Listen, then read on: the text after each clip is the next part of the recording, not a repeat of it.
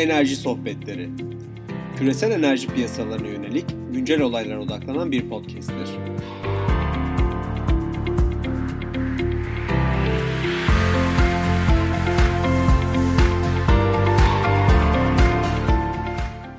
Merhaba 26 Mart 2020 karşımızda Foton Enerji'den Can var. Can Arslan e, özellikle son dönemde blok zincir çalışmalarında Türkiye'de ilginç çalışmalar yapıyor.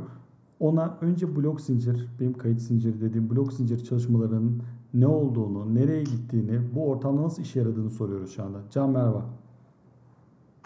Ee, merhaba Barış Bey. Ee, evet. Öncelikle çok teşekkür ederim. Ee, blok zinciri de e, kendi e, podcastinizde konu, öncelikli bir konu olarak seçtiğiniz için. Çok e, ilginç zamanlardan geçiyoruz. Bu zamanlarda e, blok zincir teknolojisi e, yine bize bir çözüm olur, olur mu diye tartışılmaya başlandı. E, öncelikle çok kısa bizim e, nasıl blok zincir teknolojisiyle tanıştığımızı anlatmak isterim. Oradan da blok zincir teknolojisine geçmek isterim. E, biz e, 2000 11 senesinden beri blok zincir teknolojisine Bitcoin'den başlayarak takip ediyoruz. E, bu dönemde blok zincir teknolojisi daha çok bir e, finansal e, araç olarak e, taraflar arasında değerlerin el değiştirmesi üzerine kurgulanmıştı. Ancak e, 2015 senesinden sonra Ethereum'la beraber burada akıllı kontratların oluşturulması düşünüldü. Bu akıllı kontratların sadece finansal olmadığı, aslında taraflar arasında yapılan işlemlerin takip edilebilirliği ve kayıt altına alınabilirliği üzerine çalışmaya başladı. Bu kayıtların önemi de şu, bir taraf arasında herhangi bir bilginin transferinin kaydını aldığımız zaman bunu bir bunu bir e, onaylı belge olarak kullanabilir miyiz? Ve bu onaylı belge üzerinden e, başka işlemlerin e, onayını e, garantisini sağlayabilir miyiz? Düşüncesi, fikri vardı. E, blok zincir e, şu şekilde çalışıyor. E, aslında bu bir matematiksel algoritma. E, bu matematiksel algoritma bizim birbirimiz arasında yaptığımız bir işlemi kayıt altına alırken e, bizden farklı nod adını verdiğimiz aslında bunlar ufak notercikler diye düşünülmesi lazım.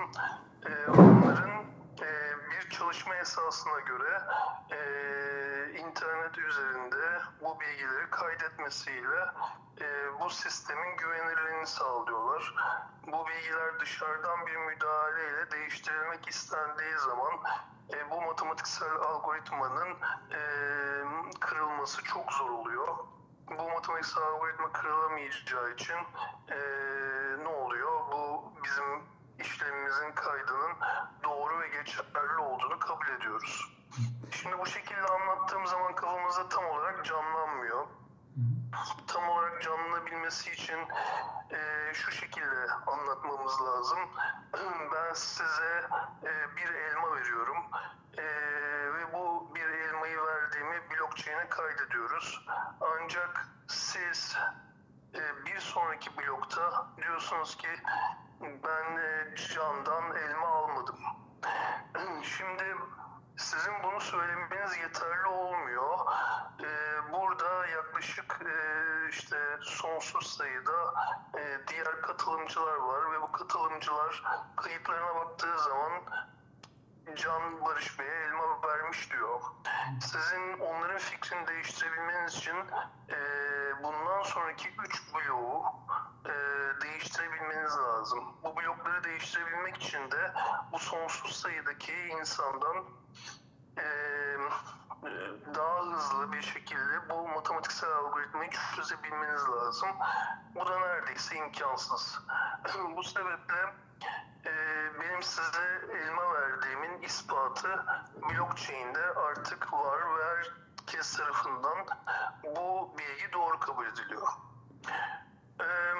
Bugün geldiğimiz en önemli gündem noktası sonrası Covid-19 ile beraber e, bu sorunu çözebilen ülkelere baktığımız zaman virüsün yayılmasını, onların e, daha hızlı, daha fazla kişiye test uygulayabildiğini ve bu test uyguladıkları e, pozitif hastaları takip edebildiklerini, izleyebildiklerini görüyoruz. Şimdi burada e, önemli bir sorun ortaya çıkıyor. Bizim e, pozitif hastaları takip edebilmemiz, izleyebilmemiz onların kişisel güvenliklerini tehlikeye atar bu. Tabii ki e, bu noktada bizim e, bilgilerini paylaşan kişilerin bilgilerini güvenli bir şekilde koruyabilmemiz, onların kişisel bilgilerini e, paylaşmamamız gerekir. Blockchain burada aslında bir çözüm olabilir. Nasıl bir çözüm?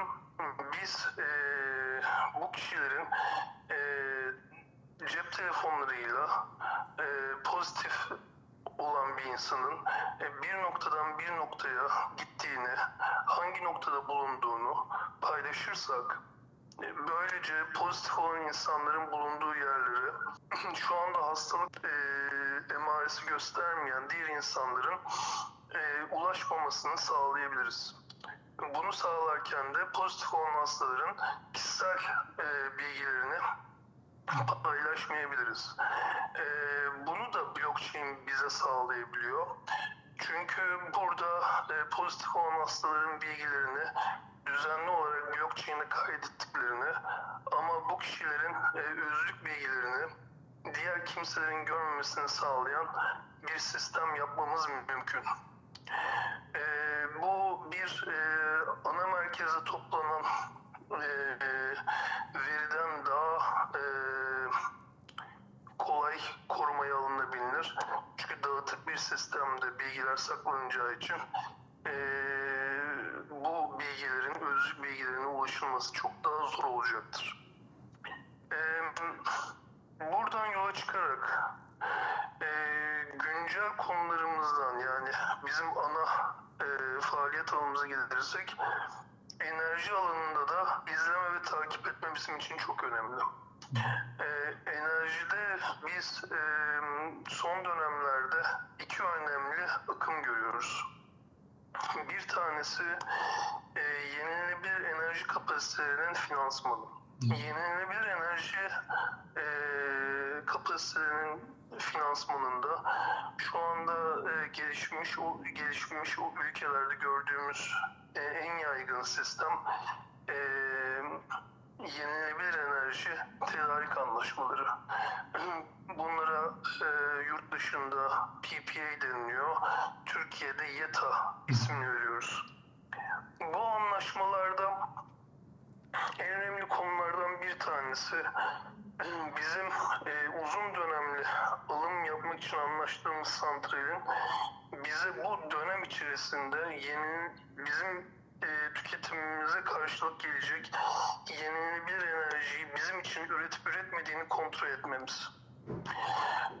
Bir santralin e, ne kadar enerji ürettiğini görebiliriz. Ancak bu santralin ne kadar farklı tüketiciye enerji sattığını veya piyasadan ne kadar enerji aldığını takip edemeyiz. Bunların takibi için yine blockchain sistemlerinin e, güzel uygulamaları olduğunu görüyoruz. Ve biz de bu uygulamaların üzerinde çalışıyoruz. Bu da nedir? E, bir yenilenebilir enerji santrali bir tüketiciye yenilenebilir enerji e, satma yükümlülüğünü yerine getirirken biz burada her üretilen elektrik için e, bir sertifika yaratıyoruz. Ve bu sertifikaları blockchain üzerinde kaydediyoruz. Bu sertifikalar sadece bir tüketiciye satılabileceği için kayıt altına alındığından birden fazla tüketiciye e, bu sertifikalar satılamayacağı için yani buna e, çift e, satış diyelim, e, double counting diye geçiyor. Bunu yapamayacağı için ve blockchain bize bu sistemi garanti edeceği için biz yenilenebilir enerjinin üretimden tüketiciye akışını blockchain teknolojisiyle takip edebiliyoruz. Bir diğer akım ise bizim yine üzerine çalıştığımız aynı teknoloji üzerinde yeşil e, doğalgaz dediğimiz konu. E, yeşil doğalgazdaki önemli konu şu. Yenilenebilir enerji santrallerinin elektriği ile elektrolizi yapılmış hidrojenin şebekeye e, verilmesi ve bu e, şebekeye verilen hidrojen ile yenilenebilir doğalgazın üretilmesi. Bu teknoloji Avrupa'da yaygınlaşmaya başladı ve önemli gündem konularından bir tanesi. Ancak bu yenilenebilir doğalgazı nasıl takip edeceğiz? Üretildiği noktadan tüketildiği noktaya. Burada da yine e, blockchain teknolojisi ön plana çıkıyor. Aynı yenilenebilir enerjiyi takip ettiğimiz gibi e, yenilenebilir doğalgazı da üreticiden tüketiciye takip edebiliriz. Can aslında burada senin aşina olduğun konular var. Biz de biliyorsun sık sık oturumlarda bir araya getiriyorlar ki birbirimizle tartışalım diye blockchain'e girer gelmez diye. Ee, önce sana şunu soracağım. Özellikle senin gördüğün Avrupa'da başarılı uygulamalar neler? Avrupa'da e, yani 2017-2018 e, blockchain için çok büyük bir hype olarak geçti. E, bu hype sırasında çok ciddi e, finansman toplayan e, startuplar oldu. Bu startupların uygulamalarını 2019'da görmeyi diledik. Ancak e, çok ciddi uygulamalar, çarpıcı Peki, uygulamalar e, önümüze çıkmadı. Peki Can sence bu uygulamaların önündeki en büyük engel neydi? Finansman mı, düzenleme mi, piyasanın hazır olmaması mı? Sen ne olarak görüyorsun? E, açıkçası e, işin içerisinde olduğum için en büyük engeli ben e, ekosistemde görüyorum. Yani bu nedir? Bir blockchain e, sahipliği bir şirketin olamaz. Evet. Çünkü bahsettiğimiz konuda blockchain uygulamasını biz birbirimize güven için görüyoruz. Yani tüm insanlar e, COVID-19 testlerini bir blockchain üzerinde paylaşmak istiyorlarsa bu insanlar kendi özlük bilgilerinin güvenilirliğini kime emanet ediyorlar? Burada kime sorusunun cevabı eğer bir kişi veya bir kurum ise insanlar arasında güveni sağlayamayız. O zaman insanlar test yaptırmazlar veya testlerini paylaşmazlar.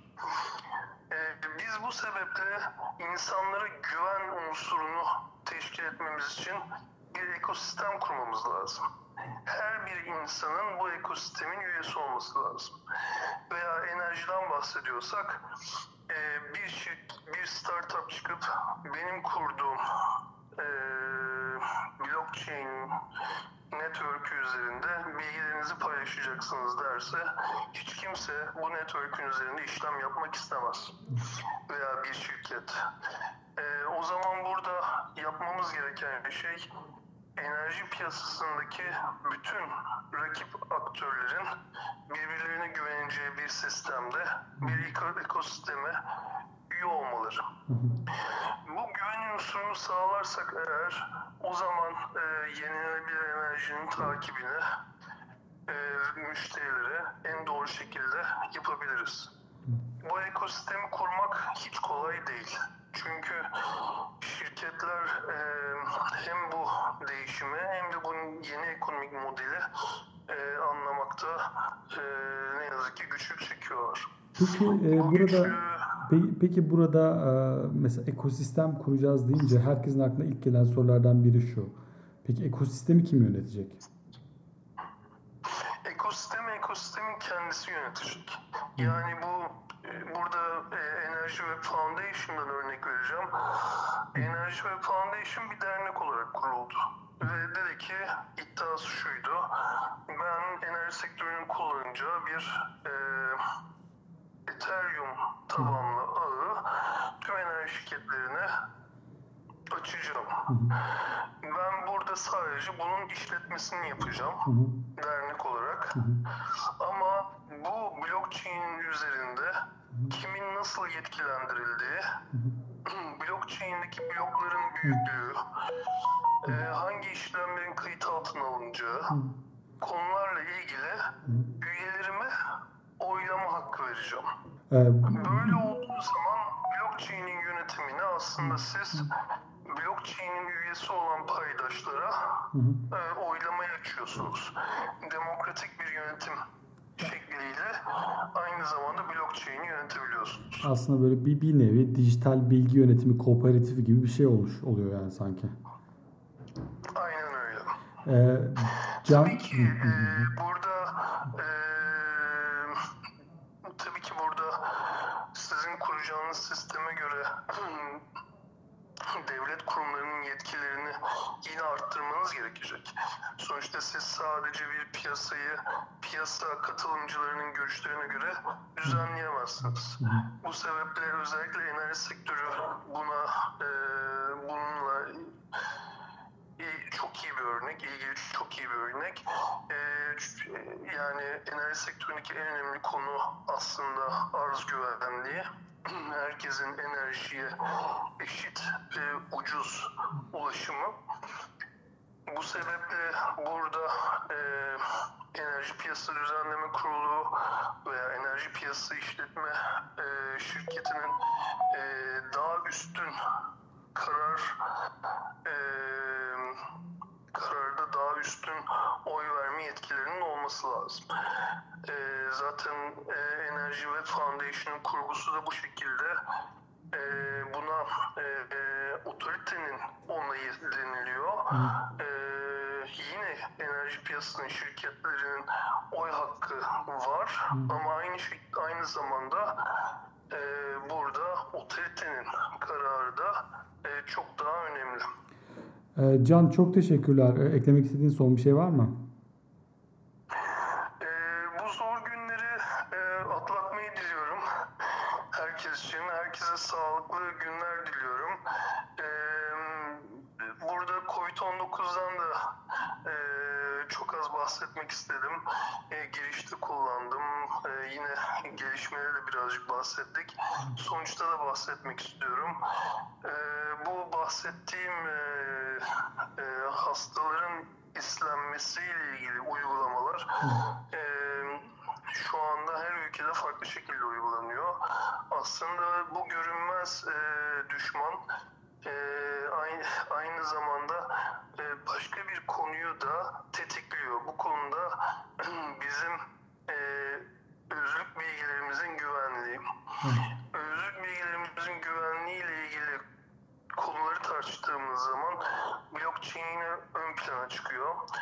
Ee, ve böyle zamanlarda enerjiden daha önemli oluyor. Ee, bu tür uygulamalar üzerine çalışan startupları takip ediyorum şu yakın zamanda.